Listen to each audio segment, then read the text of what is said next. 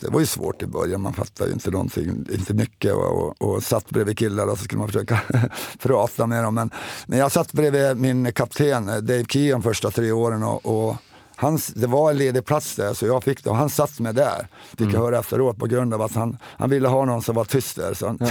det var ju bara skönt för mig så han ville inte ha någon som skrek och ja. skränade bredvid.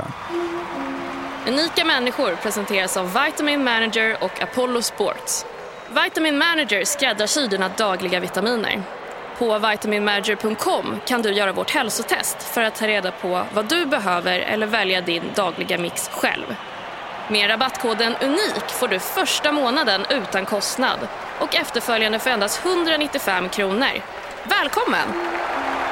Apollo Sports är Sveriges största arrangör av träningsresor och erbjuder träningshotell för alla intressen och nivåer. Som lyssnare har du nu möjligheten att vinna en resa för två till Apollos resemål Madeira. Gå in på unikamänniskor.com och tävla enkelt. Tack för att du lyssnar. Nu kör vi!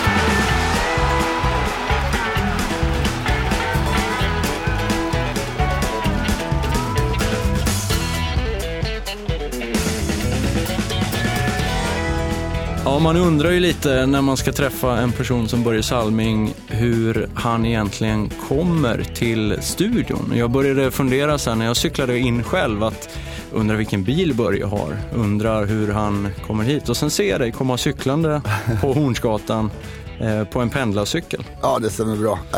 I stan här, jag har ju flyttat in till stan, jag har ju bott i Vaxholm. Så man flyttat in till stan och där, där har man ju lärt sig nu att det är ingen som har bil i stan. För det finns inga parkeringar eller så jag, Men ändå så älskar jag att cykla. Och så mm. bara cykla, sånt här väder som idag också, bara komma in och cykla, det är helt fantastiskt.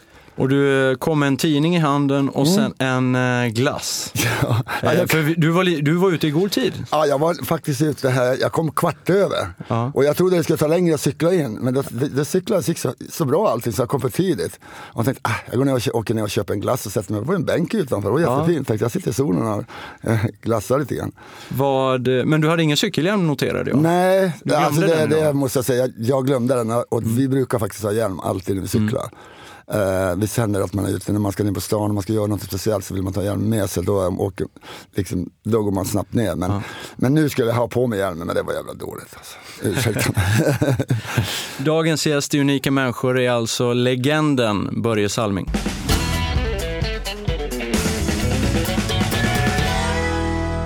Börje Salming, du är ju, är du, känner du dig bekväm med att bli kallad legend? Legend, det är inte jag som har tagit fram det, det är ju alla skribenter och ja, ni som ja. har tagit fram det. Legend och, det är väl nu först man har börjat, liksom, man fattar väl varför man säger legend, för att man har hållit på länge och så här. Så man, det är väl därför man är legend. Och nu förstår jag det bättre än jag gjorde förut. Så, ja. Ja, ja, det är ni som hittar på det här, säger jag alltid. Men, men det, det är väl kul, det är jättekul att få höra det. Du har ju liksom satt ett, ett ganska bastant avtryck i hockeyhistorien. Eh, mm. dels eh, i Sverige men också eh, framförallt då Kanada och i, i Toronto där du har varit mm. väldigt länge och NHL. Eh, så det är klart att eh, legend passar in i sammanhanget. Du ser väldigt fitt och fräsch ut måste jag säga. Du, du håller formen bra idag. Ja, jag tycker det är skönt. Jag, tror, jag brukar säga att man måste hålla igång för så man inte rostar ihop. Och jag har väl mina skavanker, jag tycker jag mår jättebra. Men, men man känner ju att man har skavanker som kanske alla andra har, beroende på vad man har gjort för någonting. Men jag känner att jag har lite dåliga axlar, så jag kör mycket P, jag kör PT två gånger i veckan. Så cyklar jag dit naturligtvis och sen, eh, nej men jag tycker det är så fantastiskt skönt att träna. Och cykla lite sån immersive på SAS. Och, ja, det man håller igång, det är skönt att hålla igång, jag mår bra av det. Mm. Och sen jag tror inte, inte bara fysiskt men psykiskt också. Att man, mm. När man håller igång så mår man bra. Jag mår jäkligt bra av det. Har du haft perioder i ditt liv där du inte har tränat något alls? Nej, faktiskt inte. Enda som jag, det är om, jag blir lite sjuk, är förkyld och grejer, då har jag blivit lite försiktigare i och med mm, att man är lite mm. äldre. Ja. Man får börja tänka sig för, för annars man, har man ju kört på i 200. Men nu så känns det, ah, man är lite lugnare. Liksom ja. Man försöker ta det lugnt. Då. Det är väl enda perioden som jag inte tränar. Det när jag varit förkyld, då har det varit några en eller två veckor. Men då har man ju nästan gått, gått eh, på väggarna liksom, ja. att få träna. Och det, det är en liten del av mitt liv tror jag. Jag har tränat ända sedan Ja, ända sedan man var sexårsåldern, alltså inte träna riktigt, men de har alltid hållit, liksom, man har varit ute med grabbarna, man har mm. hållit på, liksom, man har spelat hockey, landhockey, allting. Man har hållit på med alla sporter mm. och det har fortsatt hela vägen. Och, och sen vart det ju bara hockey naturligtvis, men, men ändå så har alltid varit igång och försökt liksom, det är skönt att, att köra av sig och springa av ja. och ta ut sig. Hur, men eh, vad är det längsta uppehåll du har haft liksom skademässigt under din hockeykarriär? Ja, skademässigt. Jag var borta, hade, hade dålig rygg. Jag gjorde illa mig i lumpen när jag gjorde lumpen eh, när jag var 19 år då, i Gävle. Och då fick jag en dålig rygg. Och, och senare på mitten på säsongen där så fick jag inte skada, men det gick allting från ryggen. Då var det många som trodde att jag var slut, för jag kunde inte knappt åka skridskor. Mm. För allting gick ner i, benen, så jag var riktigt, riktigt dålig att åka skridskor. Men då tog jag en uppehåll på, jag tror det var halva säsongen. Mm. Och det var, bara, det var bara att sluta. Och sen fick jag börja om med allting, liksom köra sådana här små grejer för ryggen, liksom så här, som jag trodde, ja, men, ja, det var ju urtråkigt var det. Mm. Men det var enda raka och jag kom tillbaka, så det ja. var jäkligt skönt. Ja, för det var sen det började kan man säga. Ja, äh, det ja. var tidig karriär i, i Brynäs där. Ja, äh, ja, Och det var egentligen din andra klubb. Ja, det är min andra klubb, Kiruna AIF först. Ja, just det, precis. Äh, jag har ju lyssnat in mig lite på dig och mm. lyssnat lite på uh, dels ditt sommarprat som var helt fantastiskt som vi pratade lite om innan och sen också några andra intervjuer och läst lite och så här. Och det, det man slås av det är ju att uh, man kan summera det ganska enkelt, att du var en hård jävel. det är väl också, det är också legend och myt och lite så här. Det är klart man var hård. Alltså jag, jag tror, vi har kommit fram till, när man frågar om sådana saker, så jag tror jag kommer från barndomen. Alltså, mm. Vi tappade pappa tidigt när jag var fem, sex år. Och man spelade hockey, man hade ingen, mamma var fullt upp hemma, hon var jätteduktig. Men uh, man hade ingen som var där och försvarade en. Alltså, jag hade brorsan, men han hade syster, så han hade aldrig tid liksom, egentligen att försvara en. Men man får ta hand om sig själv helt enkelt. Jag tror man där har man, liksom, man fick lite grann, man ska inte gråta, visa aldrig när man grät eller någonting utan man körde på. Mm. Och ska inte visa någonting, bara ah, ge tillbaks bara. Mm. Jag tror det kommer lite grann från det och det har gett också när man har kommit upp i åren i, i NHL och allting. Vi, många gånger så åkte man på sådana proppar men när man åkte till Båse, där liksom sjönk man ihop. Man ville inte visa att man hade mm. gjort illa sig inte grät man heller. Det är nu på senare år när jag slutar. Nu gråter jag på nästan, nästan alltihop, liksom man sitter ja. hemma. Men äh, ja, det är någonting som man, man har satt sig själv i huvudet. Liksom, och sitt jobb helt enkelt om man spelar hockey. Men jag tänker på det, för jag, jag, jag är ju född 80, så jag är mm. ganska ung i sammanhanget. Men jag vet ju ändå hur stor du var. Och, och, och jag tänker så här att jag eh, i mitt liv, jag har aldrig varit i ett slagsmål. Mm. Jag har aldrig fått, vad du säger, en propp som ja. du liksom refererar till till höger och vänster. Det ja. känns som, var det, var det så att dels du och din bror, ni slogs ju till höger och vänster också. Mm. Men, men sen tänker jag på isen, det kastades mycket handskar och det var slagsmål mm. var och varannan dag. Ja, det var det också. nu var det inte, jag kastade inte handskarna egentligen. Jag var ju aldrig någon slags kämpe heller. Jag var ju, det var ju de, det var, fanns så många galningar där borta som, som liksom försökte få bort den också. Speciellt efter en två, tre år när man började bli lite mycket offensiv. Och, mm. och då sa de ju åt mig att jag fick inte sitta i utvisningsbåset. Jag skulle inte slänga handskarna. Men sen hamnade man ju i, när det fanns sådana brawls och allting, då var det bara att kasta handskar för då var man mitt i, i elden. Man hade inte mm. en chans. Och uh, slet de igen så var man tvungen att kasta handskarna. Men mm. annars sa de åt att hålla dig liksom, släng inte handskarna om de försöker eh, ta det. Då. Men, men eh, man hamnade i sådana slagsmål ibland och man fick så mycket stryk och man gav väl lite grann också naturligtvis. Ja. men det var, det var tufft på den tiden, det var rått helt enkelt. Men tog man varandra i hand efteråt eller? Nej, det gjorde man inte. Nej, nej, nej. Det var inte det, Man kunde ha sagt när man såg kanske för matchen, man gick förbi varandra så man hej bara. Sånt, men annars så gick man ner. Nej. Det var mera, man, som vi, när man tar till exempel Philadelphia Flyers som vi spelade mycket i slutspelen mot och också hade mycket bataljer mot. Vi, vi, vi hejade inte på varandra. Nej. Nej, nej. nej. Det, var, det var så mycket, mycket skit som hände på isen så då, nej. Eh, jag tänkte på det också vad det gäller hockeyn på den tiden. När man tittar på, satt roade mig igår med att kolla på gamla klipp. Mm. Eh, som faktiskt ligger mycket gamla klipp ute. Youtube fanns ju inte på den tiden. Mm. Tro det eller ej. Eh, men hur tunna era skydd var. Mm. Det känns nästan som ni var mycket smidigare skridskoåkare då. Mm. Alltså ni rörde er på ett annat sätt och mm. hjälmen var ju lövtunn. Och, Är det så rent, du som kan hockey? Ja, det var ju mindre skydd definitivt, men nu gör man ju så lätta skydd också. Man har ju så bra material nu. Mm. Men vi hade liksom, när jag spelade också, när jag kom över till Kanada där också under, och hemma i Sverige. Jag hade ju bara en kåpa på axeln och så och det sådana filtgrejer över armen och armbågsskydden var det bara, bara lite grann det. Så det, Men det var ju, samtidigt så var det väldigt smidigt. Ja. Och, det, och det gillar jag. Jag gillar att ha smidiga grejer. Liksom, det var det som var roligt att spela hockey, man, man inte hade någonting på sig egentligen. Just det, just det. Men sen kom det ju några år när det kom lite större axelskydd, när vi var tvungna att ha större axelskydd. Men ja. då kläpp, kläppte jag ner dem hela tiden, men de, de var till tokiga på mig då, fast vi ja, hade lite det, skador okay. och sådana mm. grejer på andra killar. Men jag har aldrig haft mycket skydd och därför har man kanske fått lite för mycket smällar också på grund ja. av det. Liksom puckar, ta där, där man har klippt bort grejer också. Och det var ju också på den tiden när ni fick spela utan hjälm. Ja, ja eh, precis. När jag spelar ju aldrig utan hjälm nej, i och för sig. Men... I och för sig. Eh, när, när infördes den hjälmtvånget? Det började på slutet på 70-talet. Det var inte hjälmtvång utan de sa den som man fick skriva på papper att ska du ha hjälm då var du tvungen att ha hjälm liksom, hela mm. säsongen. Du kan inte ta av den efter en, liksom, och säga, för, för då får, fick man två minuters utvisning. Jaha. Så det var sådana, ja, det var, så det var ju riktigt bra. Va? Men nu är det ju, jag vet inte, jag är hjälmtvång. Det måste vara hjälmtvång. Ja, ja, och visir har du aldrig gillat? Nej, det har man inte heller. Jag har haft på när det var skador, ögonskador fick många, man fick klubbor i ögonen. Alltså att, och då tills det skulle läka. Liksom då. Ja, då hade man visir ett tag och sen tyckte man, äh, bort med skiten. Ja. så det... Och munskydd och sånt där? Det... Nej, nej, nej, nej det var... inte för mig i alla fall. Nej. Men det fanns ju mycket i Sverige då. Ja. Det fanns ju mycket munskydd.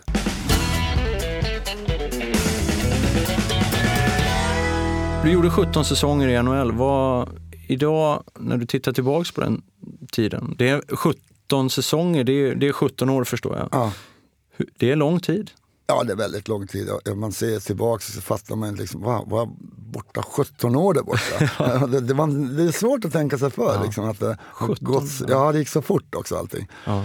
Men det gick ju inte fort egentligen, men nu så här efteråt så tyckte man, vad hände egentligen? Ja. Så egentligen så är det bra. Nu åker jag över varje år när till exempel när Hall of Fame weekend är där, när de nya blir invalda, så åker man så här man träffar kompisar, vi tar, ja, går ut och käkar middagar. Så, mm. så det är skitkul att snacka gamla minnen och sånt där. Så det, hur är det att komma dit?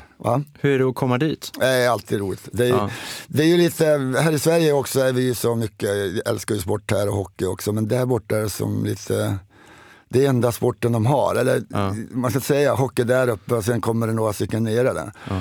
Men hockey är så stort och alla har älskat oss. Alla spelar hockey och de fortfarande spelar hockey tills de inte kan gå. Typ. Ja. De, de bara älskar det. Och de vill inte glömma heller. Det är det Nej. som är så roligt. Man kommer dit. Man, jag har inte spelat nu sen, eh, vad är det, 90. Och när jag kommer dit över så, är man, så kommer de, ah, kom igen, vi behöver det, kom igen, du ska spela. Liksom ja. glimten i ögat i och för sig. Men, men ändå, liksom, det, väldigt roligt att åka dit. Men ha, upplever du att du är kändare på gatan där än här? Ja. Ja, det är så? Ja. ja. Jag tror jag har blivit mer, ja, nu på sistone så har man ju varit med på lite olika saker också så då kanske man, i och med att man har eget varumärke och allt sånt mm, där så, mm. så syns man lite mer, va? då blir man lite mer känd på den vägen. Men jag tror inte, jag tror, då är det mer på att jag har ett varumärke. Ja, inte hockey, så Nej, kanske de vet att jag spelar hockey men ändå inte. Mm. Ja. Men annars så är du inte en sån kille som eh, vill vara så mycket i offentligheten? Nej, jag håller mig undan det mesta. Men eh, jag, jag har varit med lite grann på slutet på olika saker så här. Och jag är med här idag. Ja, precis. nej, men skulle man gjort det här kanske på 70-talet så hade jag nog tackat nej. Ja. ja.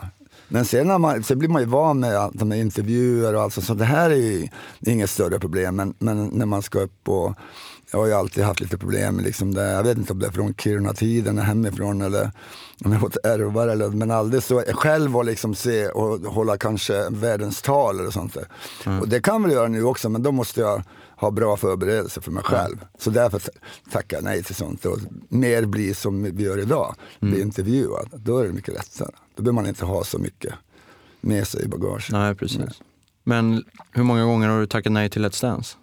Till vadå? Let's Dance. ja, det är många år. ja, men där har du en sån där grej som, men många gånger, från början så var det egentligen att man, jag åkte alltid upp och fiskade, våra jakt och fiske, ja, åkte upp med mina söner och vi är där uppe. Och det krånglar till sig alltid runt omkring det. Ja. Men sen lite grann är man feg också, liksom. det är ja. lite, lite så här, ah, men ska man ut på det där. Men sen, det, de håller på så länge, de håller på flera månader. Och det har inte jag tid med egentligen. Nej, nej.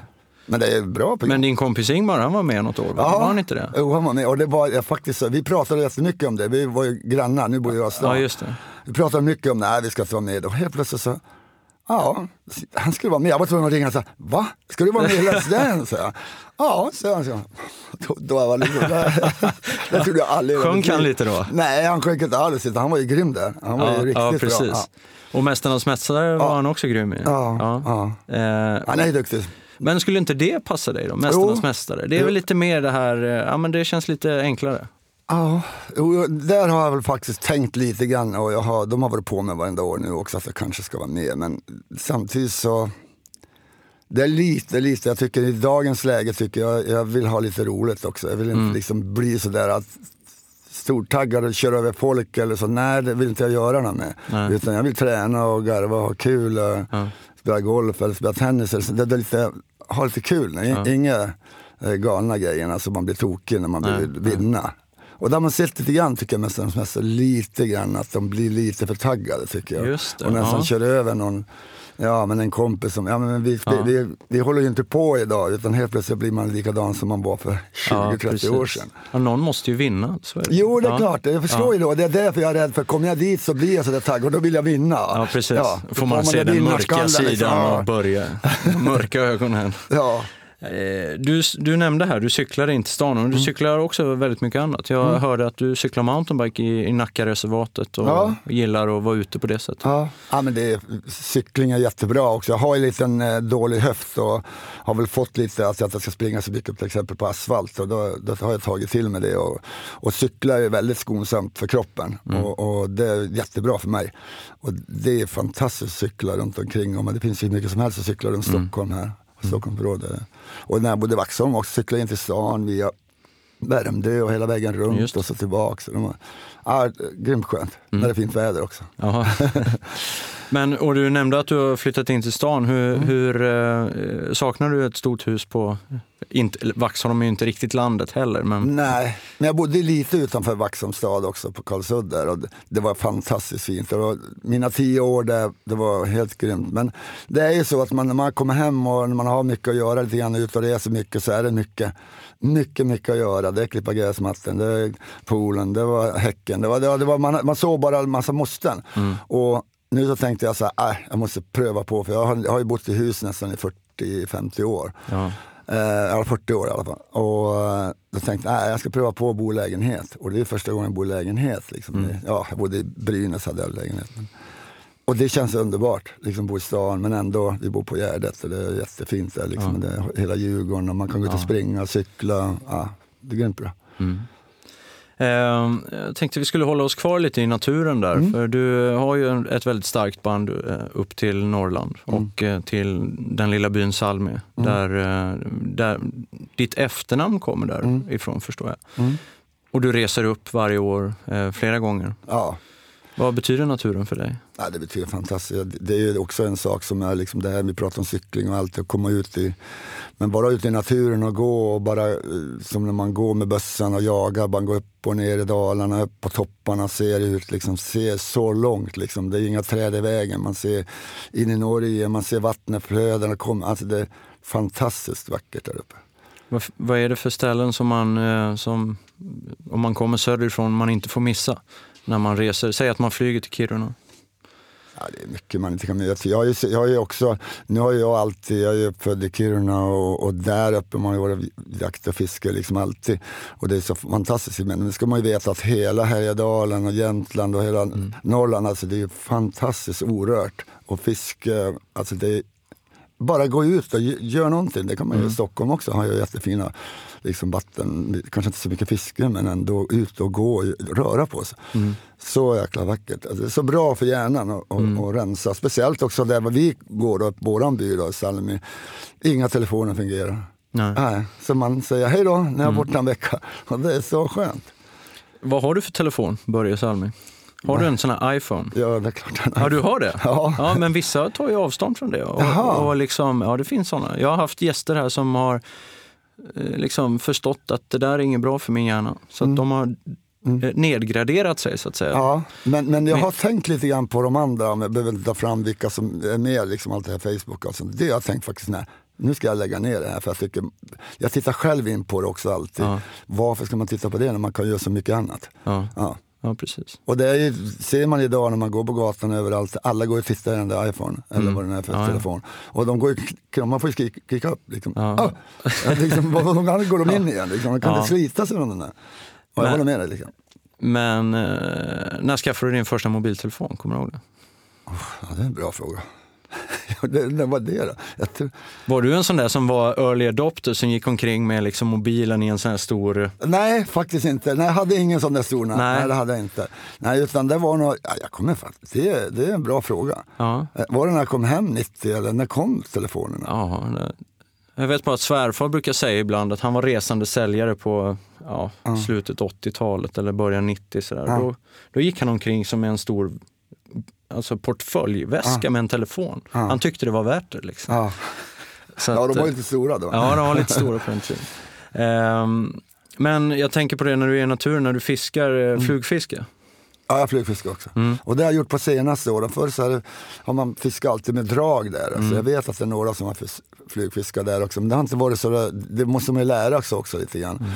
Men nu så har jag lärt mig lite grann att flugfiska och det är fantastiskt fint när man har de rätta vattnen Ja. i, i bäckarna och allting. Och gå där och få, när man får sina, alltså Ja, det är ja. så jäkla roligt alltså. Men du, du, är, du knyter inga egna flugor? Och... Nej, jag, det har inte börjat men jag hoppas att liksom kanske snart. Jag har ju fyllt 65 nu så kanske Ja, jag kan börja det. med det. men eh, samtidigt så kan man inte flugfiska högre upp i fjälls, fjällsjöarna där. Det, då tar de inte där så mycket. Nej, utan då okej. måste man ha drag. Så Just de är lite på lite djupare vatten också. Så, så man måste fiska båda det. Då. Men eh, grymt roligt att- stå mitt i där liksom till midjan i vattnet och bara stå och kasta och få på aj. Det är, så, det är sån eh, känsla. Och, och jakten, vad jagar du helst? Nej, vi jagar ripa och tjäder, Ja. fågel. Just. Och det är bara för vi, alltså den veckan och veckorna som vi är där uppe, då jagar vi och fiskar och det, vi tar ju bara upp och äter det gott. Så man äter den bästa maten någonsin liksom. Och det, det, är ing, det är ingen skit i, i, i det är bara rena, rena produkter som Ja. man får i sig. Inte bara det, men att man, det är så gott att få färsk fisk och allt sånt där. Ja, det är fantastiskt. Ja, det är grymt bra. Eh, jag vet att du i något, om det var, jag vet inte om det var ditt sommarprat eller om det var någon annan intervju, så eh, uttalade du dig väldigt lite om vargen. Mm.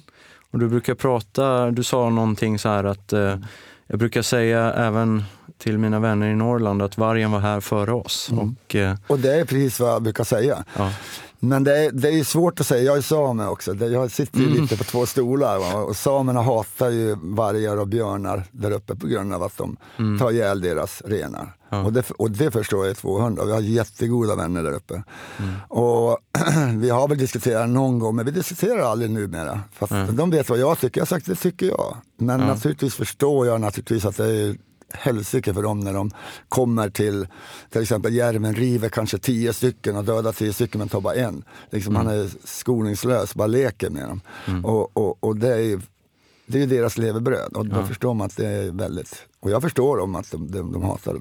Men jag tycker, när jag, jag har ju aldrig träffat på en, jag har varit så mycket i skogen uppe i alla mina år och har aldrig sett en, en varg och inte sett en björn. nej.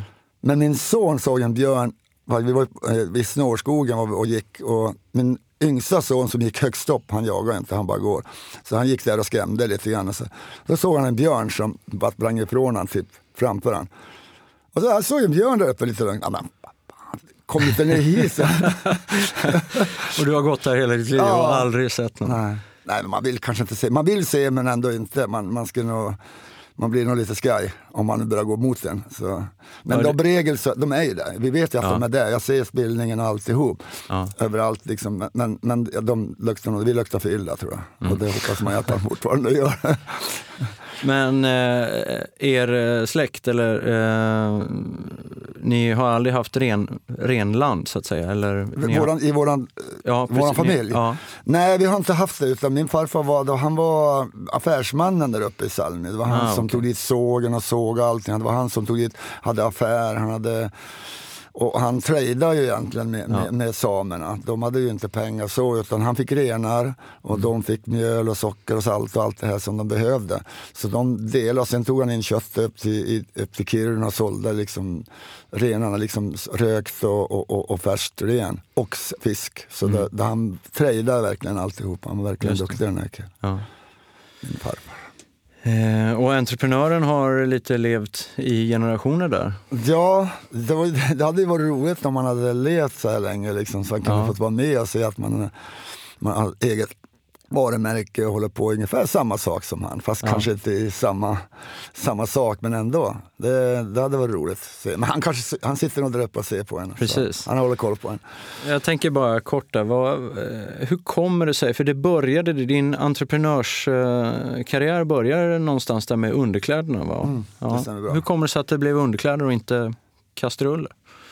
Ja, alla, det är många som säger egentligen när vi började med innebandyn egentligen så var det, var, började inte med hockey. Men jag var så less på hockeyn egentligen. Så Ja. jag, det, och, och underkläderna var inte min idé heller. Jag hade ju varit och tittat jättemycket och vad jag skulle kanske, jag skulle vilja egentligen göra snygga kläder på grund av att vi använde så mycket kostymer och sånt där när vi reste och allt sånt där. Det var det jag var inne på egentligen. Men så kom det var bara någon som ringde mig och sa att vi ska göra Salming under kläder. Och jag sa, äh, varför då? Alltså, ja, till slut så sa, hade vi ett möte och på den vägen är det. Så startade ja. Salming varumärket. Hade eh, Björn Borg börjat då? Ja, ja. Han hade grejer. funnits tror jag, fyra, Ja. fem år tror jag. Ja, ja, okej. Ja, något så. Ja. Och kanske Nej. var därför man var lite skeptisk kanske, men det finns ett varumärke. Ja. Men idag har det där blomstrat och är en eh, fantastisk business. Mm. Nej, det är jättekul faktiskt. Vi har ju, vi har ju kommit in på slåss med de stora drakarna här med, med running och, och Mm. indoor och med skor och med allting, alla tillbehör. Så, och affärer på Kungsgatan och så här. Så det känns väldigt bra. Mm. Och jag vet ju att de, eh, för det är lite så du sitter här också i och med att eh, jag känner de som driver ett av de här bolagen Mm. inom running och så fick vi kontakt därigenom. Eh, Thomas och Thomas. Thomas Nord ja. Ja, och Thomas. Solin. Ja. Eh, och jag vet ju att de har ju också tagit hjälp av dig i den här, jag vet att de, de gjorde någon kampanj, Welcome to Salming Country och då var ni uppe och plåtade i Björkliden Mm. Ja. och, tillsammans med Jonas Kolting och hela den där det grejen. bra, jag var uppe där också. Eh, och det är lite roligt att man Mm. kan connecta ett varumärke hela vägen upp till. Ja, och jag tycker också roligt också för det är ju lite där liksom varumärket kommer ifrån om man vill säga, om man ska titta bakåt. Så, Mm. Ja. det, det är roligt att vi tar med lite av det här äh, vilda Mm. i, i det hela och, och, och han kanske tar lite grann från mig också från det hela. Det, det känns riktigt bra. Mm. Ja. Och produkten har ju fått fantastiska recensioner, vilket är också är worldwide nu, vilket är ett erkännande. Ja, det är det som är så roligt också. Att vi har, går ut worldwide och vi får jättebra kritik. Och liksom, Mm. alla, I början när vi sa att vi skulle börja så var nyhetens behag liksom, det är säkert bra. Men sen har vi fått jättebra Mm. kritik och liksom alla tycker det är grymma skor att springa i. Och det, det har vi gjort ett jättebra jobb, speciellt Thomas och Thomas. Här, fantastiskt jobb. Eh, jag tänkte på det, sen, sen eh, har jag faktiskt sett, det finns numera hockeyklubbar som det står Salming på. Hur länge. Ja. har det funnits? Jo men det har funnits länge. Ja, det har det. Ja, det Ja. kom efter innebandyn. Innebandyn kom ju före liksom som andra kan man säga. Och sen då så kom ju hockeyn efter det också. Ja. Men eh, det har vi alltid, vi har ju inte alla produkterna men vi har ju både klubbor och, och, och alla handskar och allt, alla tillbehör och, och till team då. Så vi har ja, just det. Häftigt. Ja det är jättekul. Hela och lag det, spelar med det så- behövs ju det också, Ja, det ville man ju också. Det är roligt och sen när man när jag spelar de här matcherna, välgörenhetsmatcher, så spelar jag med mina egna produkter så det är Ja, lite roligt. ja. Vad, vad skiljer en klubba idag från det ni hade då? Det här är såna heter One Piece-klubbar liksom som de gör nu och hur dyra som helst egentligen. Ja. Men eh, på min tid så var det mer en björk, björkklubba som var tunga och raka blad var det också. Och det, liksom, det här med kurvbladen kom lite senare kanske på, ja det kom ju på slutet på, nej kanske början på 70-talet där. Kom de med. Men det är oerhört skillnad på vilka Ja. klubbar de har nu som de kan skjuta med. Helt grymma, de är jätteroliga liksom. och, och speciellt på att skjuta nu också när man får ha de här klubborna. Och känna efter också verkligen att, hur bra de är. Ja, det är en annan typ av flex. i Och, och, Ja det är ju det. Ja. Jag, jag tycker att man är inte van med att man spelar så ofta så nu tycker man att det, det, är lite, lite klang när man tror passningarna. Så är det. Just det. Ja men det är ju sånt som man, de är ju så bra på det, det är bara en annan som är lite ovan med det hela. Det måste, vara, det, måste ha hänt så otroligt mycket inom hockeyn. Men Jag tänker på skridskor då och nu. Liksom. Ja, Eh, hade ju läderskridskorna och nu är de ju så, tusan vad de är gjorda av, men de är hårda som tusan. Men de är grymt bra skridskor. Ja. Alltså. Men eh, ni formgöt aldrig sulor? Eller, eller det blev ju i och för sig en typ av formgjutning. Man, man, man, man doppar, man hällde i vatten, eller för varmt vatten. Ja. fick de stå en timme i vattnet och sen hoppar man i dem och så ut och körde. Så fick Ja, de på dem. Alltså, så. Det var lite grann, lika, ungefär likadant som de kör nu egentligen. Fast det, Ja. var, det var inte så bra för skridskon egentligen när jag kör. Men. Nej, nej. Ursäkta att jag stör. När du ändå lyssnar, passa på att gå in på unikamänniskor.com och tävla om resan för två till underbara Madeira med Apollo Sports. Det var allt. Nu fortsätter vi.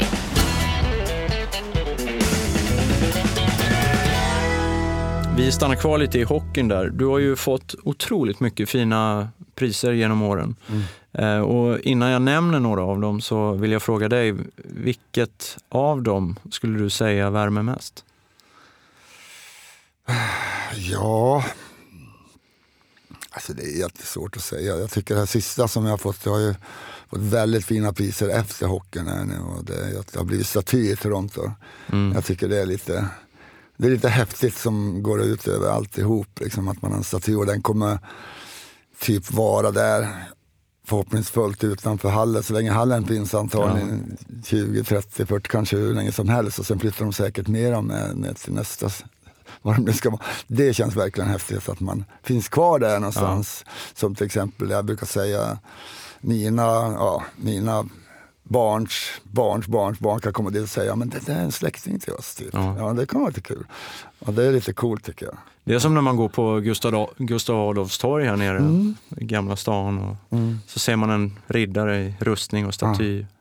Och det är ju samma med dig nu. Ja, det är, det är skithäftigt när vi åker över nu också. Och, och nu, när vi, nu när vi åkte över, när jag fick statyn där uppe, eller fick statyn, statyn var, då eh, så hade jag med mig hela min familj, det var 15 stycken, jag brorsan min med mig, jag hade alla barnbarnen och allting. Och det var så coolt att ha med de här barnbarnen också med, så de förstod också vad jag hade gjort. Och nu har de hajat lite grann, oj, de fattade inte förut vad jag Nej. var för. Det var ju bara morfar och farfar.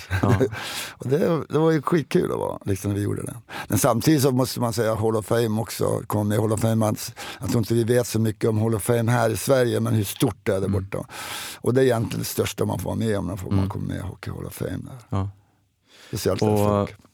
när de ringde till dig då och sa att du skulle bli invald Mm. så tror jag att jag minns att du la på luren och sen började du gråta. Det, det stämmer bra, för att jag trodde inte det skulle vara så känsligt. Utan jag hade väl lite aningar att, eh, jag att det är ju tre, man måste ju vänta tre år efter man har slutat. När man kommer. Så trodde jag kanske att jag hade chans att komma med. Men när det kom och när de sa det, och så, alltså det var som, jag vet inte, jag, jag, jag inte riktigt själv att jag hade Nej. kommit med där. Och, då var, och, då var det så ledsen, jag fattade inte själv heller varför jag var ledsen. Men det var, jag tror det som du sa också, jag spelade där 17 år. Och det är så mycket som har hänt där borta. Det är inte bara, liksom, det är så många grejer varje match, liksom under matcherna, efter matcherna som har hänt. Liksom det. Och så mycket som spelar in och det är det som tror jag sköljde över en. Att Nu fick man lite betalt för, för det. Man, liksom, jag vann ju aldrig Stanley Cup, vilket Nej. är det man spelar varje år för.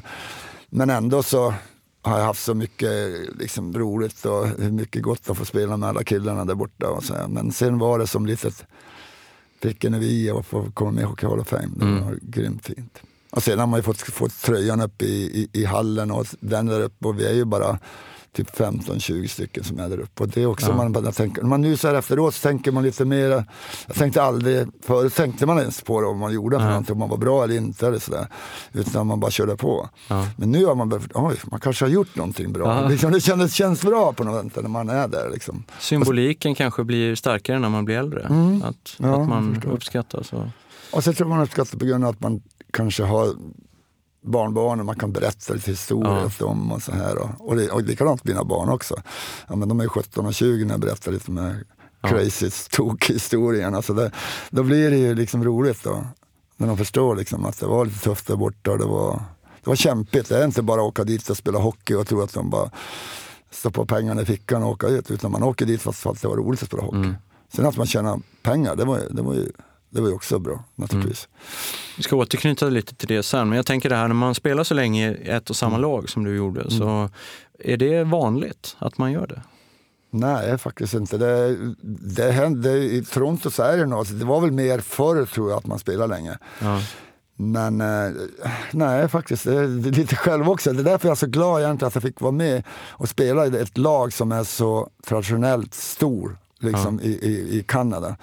Och i USA också naturligtvis, men, men i Kanada det är ju nummer ett. Och mm. sen kommer Montreal naturligtvis, det är också ett jättefint lag. Men att jag har fått vara med där och spela 16 år, det var ju fantastiskt. Bara eh, för eh, sen avslutar du en eh, säsong i Detroit. Detroit. Ja. Hur kommer det sig? Ja, det, liksom en, det var lite grann att, inte att jag skulle vinna Stanley Cup eller någonting, utan, utan det var bara att prova på någonting nytt jag hade ett år kvar och skulle spela också och, och de trodde, och när jag sa att, det var Detroit som kom, för jag hade sån här, eh, jag kommer inte ihåg vad det heter, jag hade ett år kvar när man option year, heter det. Och då var de på mig, jag kan, liksom, vi vill att du ska komma hit och spela. Jag tänkte, vad ska jag spela Detroit? Då sa jag så åt dem att vänta nu, de är på mig som tusan, jag ska få jättebra betalt. Mm. Och då trodde de att jag försökte få liksom, göra en fuling, att jag ville ha mer betalt. Så Aha. de trodde inte riktigt på mig. Nej, nej. Och det säger han, han som var manager, Gård Stellix, han sa att vi trodde inte på det. Så när, när, när jag så hade sagt att ja men nu blir det så, då trodde de ja ja ja. ja. Jaha, oj så pass. ja, så det var så. Men så här efteråt så skulle jag jag tycker, det var, det var jätte, jättebra lag och allt sånt där. Det var kul att vara där. Men så här efteråt så skulle jag stanna kvar och spela haft den här till, fina sviten. Jo, liksom. man, kan ju tänka, det är lätt att tänka sig efteråt. Att ja, det, För jag, det är en som jag hade min, min uh, han som ägde klubben, Harold Ballan, han var, han var som en liten styvpappa till mig. Typ. Ja. ja han uh, tog hand om mig mycket. Och, Alltså vi hade bra relation, jag kunde pr prata liksom. Han var, alla var livrädda för honom men jag kallade honom för bossen bara. Liksom, ja. och vi kunde snacka om allting. Vi satt i omklädningsrummet och snackade om all, hans ja. familj och allting vad som hände. Men när, han, när jag kom tillbaka, så hade, jag tror jag hade kört upp Värmdö, då såg jag han satt där uppe på läktaren. För han brukar alltid sitta och titta på ja. Värmdö. Då gick jag upp och pratade med honom. För jag, jag tycker synd om han liksom, och, och själv. Jag kände mig liksom så jag pratade med honom också. Han, han sa ju då också att han hade blivit besviken att jag hade flyttat. Ja. Men så, det var ju okej. Okay, Det var okej? Okay. Ja, så det var som en... Eh, då fick ja, han visste ju också hur det var. Liksom. Han vet ju också. Men ändå så tyckte han det var synd att jag inte var kvar. Mm. Och det så här efteråt skulle jag varit kvar. Mm. Men han dog precis året efter också. Okay. Eh, när du pratar om pengar där, hur, kan du nämna några summor? Hur mycket pengar handlade det om på den tiden?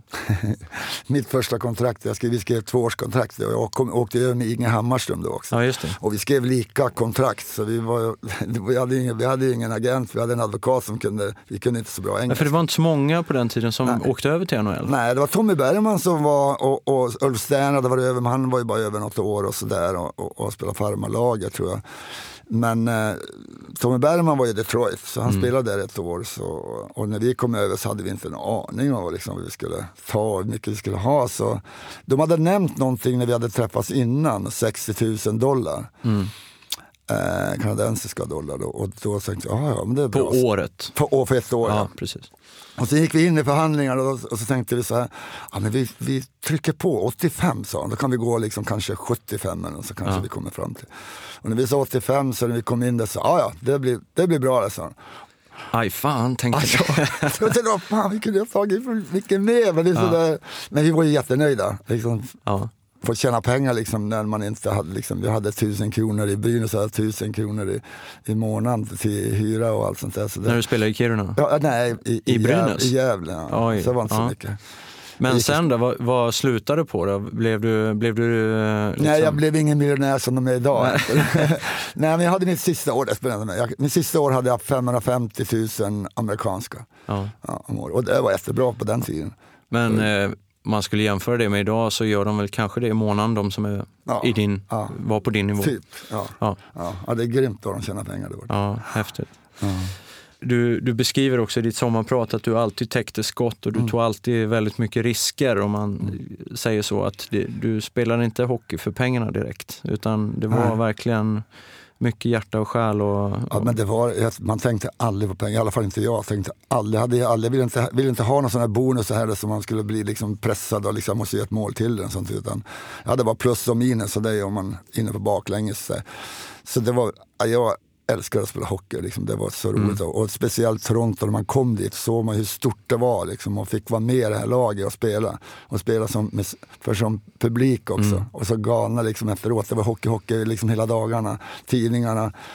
Alltså, hur många sådana skribenter som helst på träningarna, tv. Alltså, eh, ja, det var så här efteråt så är det grymt roligt. Men också en verklig press på en att man måste prestera också. Det var inte liksom bara göra hur man ville, för det fick man ju också. Fick, fick, ni, fick ni skit för att ni aldrig vann Stanley Cup?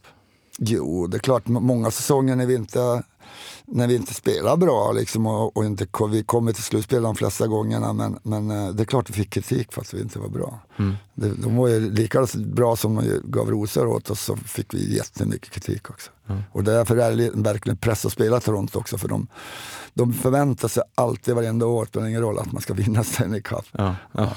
Och ändå så har det inte hänt på länge nu, 67 år sista året. Tror jag. ja, det är så pass. Oj. Det Ja. ligger som en curse över Ja, liksom... skulle- jag, jag tror liksom, skulle de vinna någon gång här framöver här så skulle det bli tokigt. Jag har sagt så här, kommer de till en final då kommer jag sitta där i alla fall och titta. Det är skäl nog. ja. Eh, du plockade upp språket tycker jag väldigt fort. Eh, Du säger du kom över till USA eller till Kanada och, sen, och du kunde knappt ett ord engelska och sen tittar man på intervjuer några år efteråt så har du liksom snappat upp det. Jo, men man, man var ju tvungen att prata engelska. Och de var, var bra killarna i lagen. De lärde en liksom olika saker. Om, om, när vi gick ut och käkade tillsammans så då fick inte, liksom, det var inte någon som beställde åt mig, då fick jag beställa. Då sa de, så är det så, och så polis efteråt och alla sådana grejer. Så man fick lära sig hela tiden. Och sen lärde man sig själv också. Visst, det var ju svårt i början, man fattade ju inte någonting, inte mycket. Och, och, och satt bredvid killar och så skulle man försöka prata med dem. Men, men jag satt bredvid min kapten eh, Dave de första tre åren och, och hans, det var en ledig plats där så jag fick det och han satt med där. Fick jag höra efteråt på grund av att han, han ville ha någon som var tyst där. Så han, det var ju bara skönt för mig så han ville inte ha Just någon det. som skrek och Ja. skränade bredvid han. Och eh, hur gick ert snack då? Men ni grymtade bara lite åt varandra och så... Nej men det gick rätt så fort, vet du, man lärde sig rätt så fort. Och så många gånger så när man, man ville berätta någonting så fick man ju peka liksom. Man pekade på grejer. Ja. Ja. Ja, men där, jaha, ja, ja, okej, så, så. Ja men det heter så och så. så. Ja. Ja, så Ja. man lärde sig fort. Och så var man ute och åt och ute och drack öl Mm. och liksom, ja. Käkade sen, så då pratade man mycket och fick lära sig mycket. De var riktigt schyssta killarna. Mm. Så fort man, när de visste att man skulle komma med i laget, då var de, Mm. de bara tog dem s- en till sig. Så det var jätteskönt. Har du många tajta kompisar kvar sedan eh, den tiden? Mm. Ja, vi har ett gäng som vi brukar säga, säga när vi spelar de här matcherna, då, så brukar det vara fyra, fem stycken som är med. Och det, det, är, vi som, brukar säga, det är vi som bestämmer, säger man alltid. Ja. vi brukar skoja, det är vi som är bäst. Och vilka är det?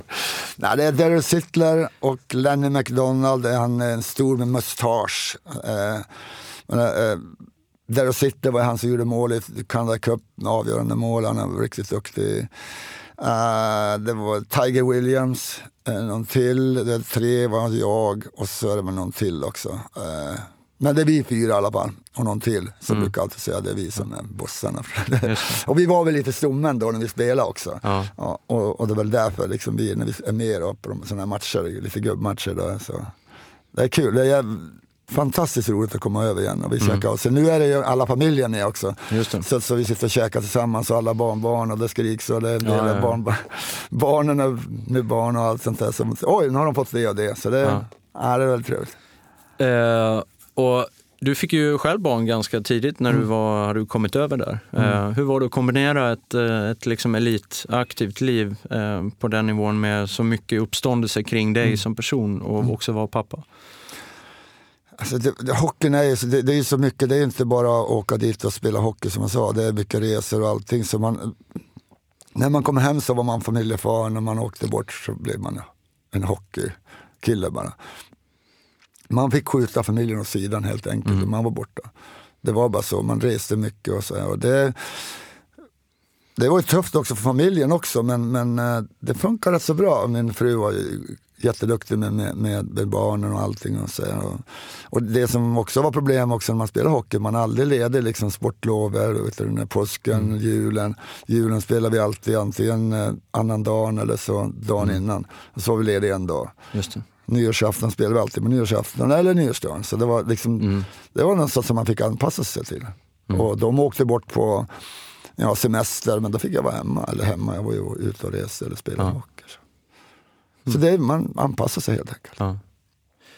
Eh, sen vet jag att du har, en, du har en dotter som heter Bianca, som är mm. din, ditt yngsta barn. Ja, yngsta, hon är 17-åring. Hon är 17. Ja. Och hon tävlar i friidrott. Mm, det är bra, i mångkamp.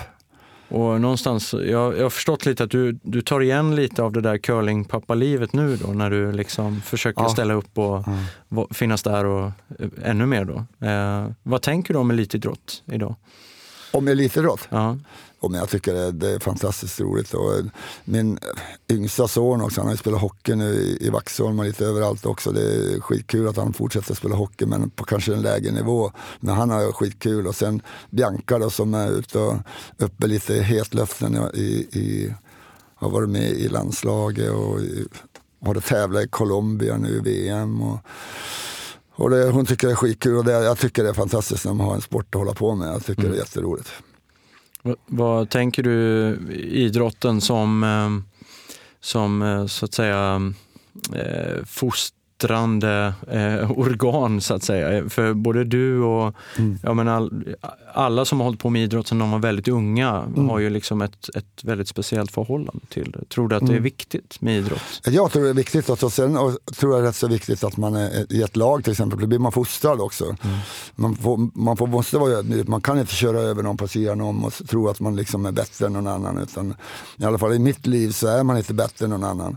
Utan spelar man i laget, spelar man i laget. Visst, man kan veta att man kanske gör mål. Han gör mer mål, han gör liksom, täcker skott eller han är målvakt.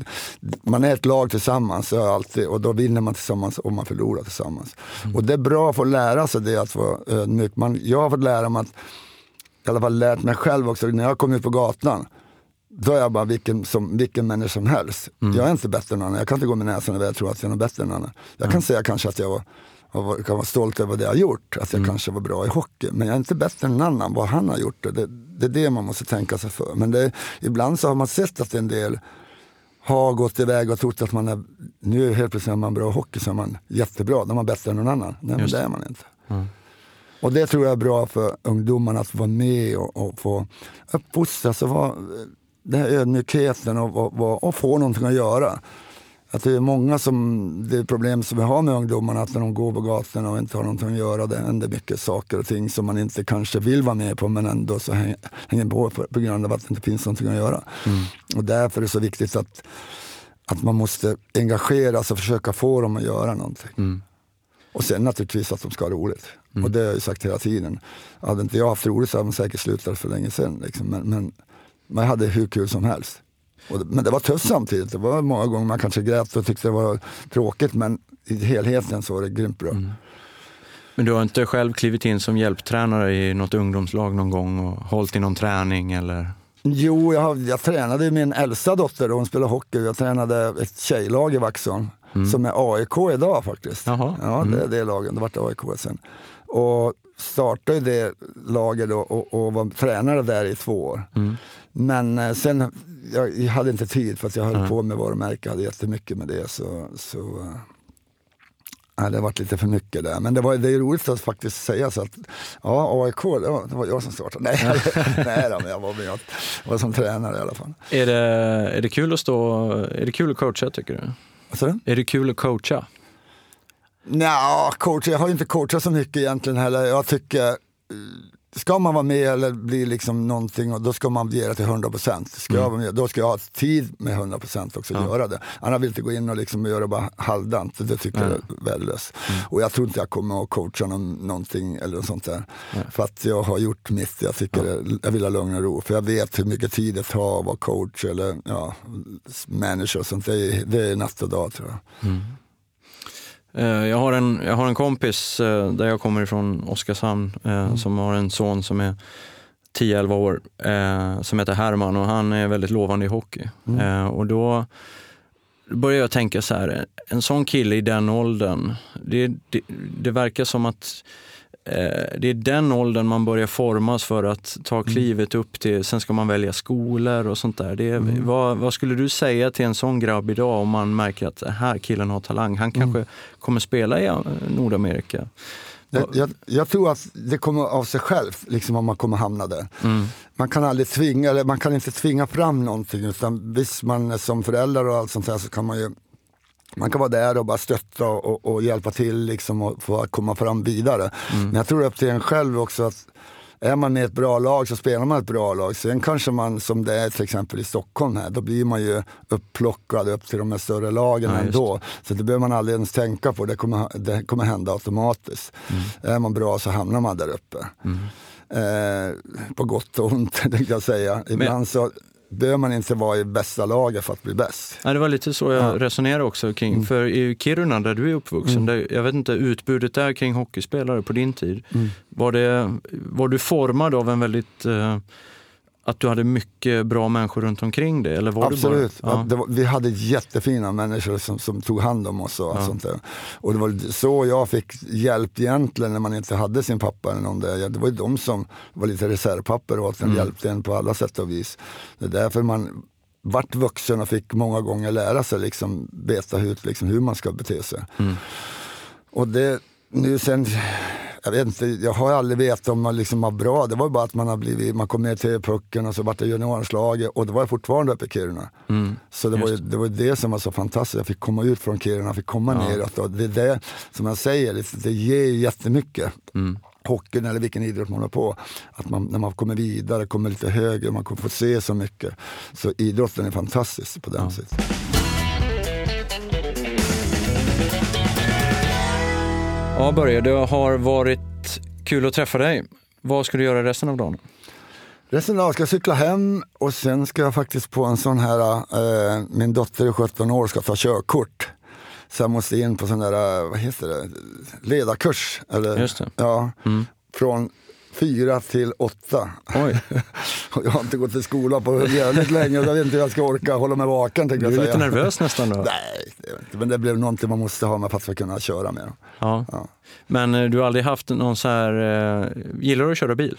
Ja, jag, tycker, jag ja. var lite halvgalen att köra förut. Eh, men, men, nu har jag lugnat ner mig. Faktiskt. Ja. Har du liksom varit sån här som ägt massa sportbilar? Nej, och så? aldrig Nej. varit intresserad av aldrig motorer, aldrig haft en moped. Jag fick aldrig en moped hemma, vi hade aldrig råd med sånt. Så det, var, det kanske var bra det. eh, hur ser livet för Börje Salming ut framöver här då? du är 65 år idag. Mm -hmm. Jag har blivit pensionär i år och det är, lite roligt. Jag skojar mest om det för att jag tycker inte så att jag mår, utan jag har planerat lite grann. Jag har sålt lite grann av mitt varumärke här till Salmingsport och, och fått liksom kanske tappa lite ansvar. Det som vi pratade om, Thomas, Thomas tagit över ansvaret. Och, och det är skönt för nu kan jag börja liksom kanske planera lite grann för ja, att mm. göra det jag verkligen vill göra. Mm. Fortfarande vara med i, i varumärken naturligtvis och hjälpa till men, men vara uppe det jag vill göra, vara i naturen och träna, må bra, mm. jaga, fiska, ut och gå liksom åka till utlandet, till Österrike, åka skidor. Mm. Allt sånt där som jag älskar att göra, så det kommer jag göra mycket av. Mm. Och se mycket mer kanske. Till exempel Norden ser man så lite av. Liksom. Mm. Det finns ju mycket som helst att se. Som du säger, Härjedalen, alltså hela åka runt och se verkligen. Har du varit film. i Norge mycket? Nej, Nej. Ja, Oslo har varit allt det ja. Och det, det, det, har jag tänkt göra en rundtur faktiskt. Ja. Från Kiruna hela vägen ner och fiska där uppe i fjällsjöarna. Ja, De ser att det är fantastiskt fint. Ja, det är roligt det där med Norge för jag har faktiskt varit mer i USA än vad jag varit i Norge. Det är helt otroligt. Så har vi ett jättefint grannland. Ja, jag vet. Jag vet. Det, är det som är så sjukt. Man har så mycket, jättefina, och det är så fin, liksom landmarken är så fint. Liksom. Men du har en lista. Skriver du ner den här listan på saker? Nej, jag har inte som... gjort det. Vi har bara, jag vet precis. Men du har i huvudet liksom? Ja, men ut och resa också. Ja. Se världen också. Liksom. Jag vill åka mm. till Nya Zeeland. Vill jag se. Har varit i Australien. Jag skulle vilja åka också, när jag ska också åka till Australien också. Mm. Eh, se lite av de här länderna, vid Peru till exempel. Åka mm. dit och se de inkastäderna och allt det mm. Se sådana vandra liksom. Ja. Ja, lycka till på dina resor och, och framtiden här. Så, ja, tack så mycket. Ja, tack Börje Salming.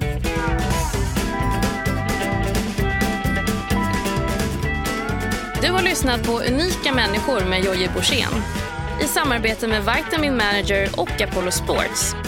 Tack till producenten Jonas Sjöberg och produktionsbolaget A1 Produktion.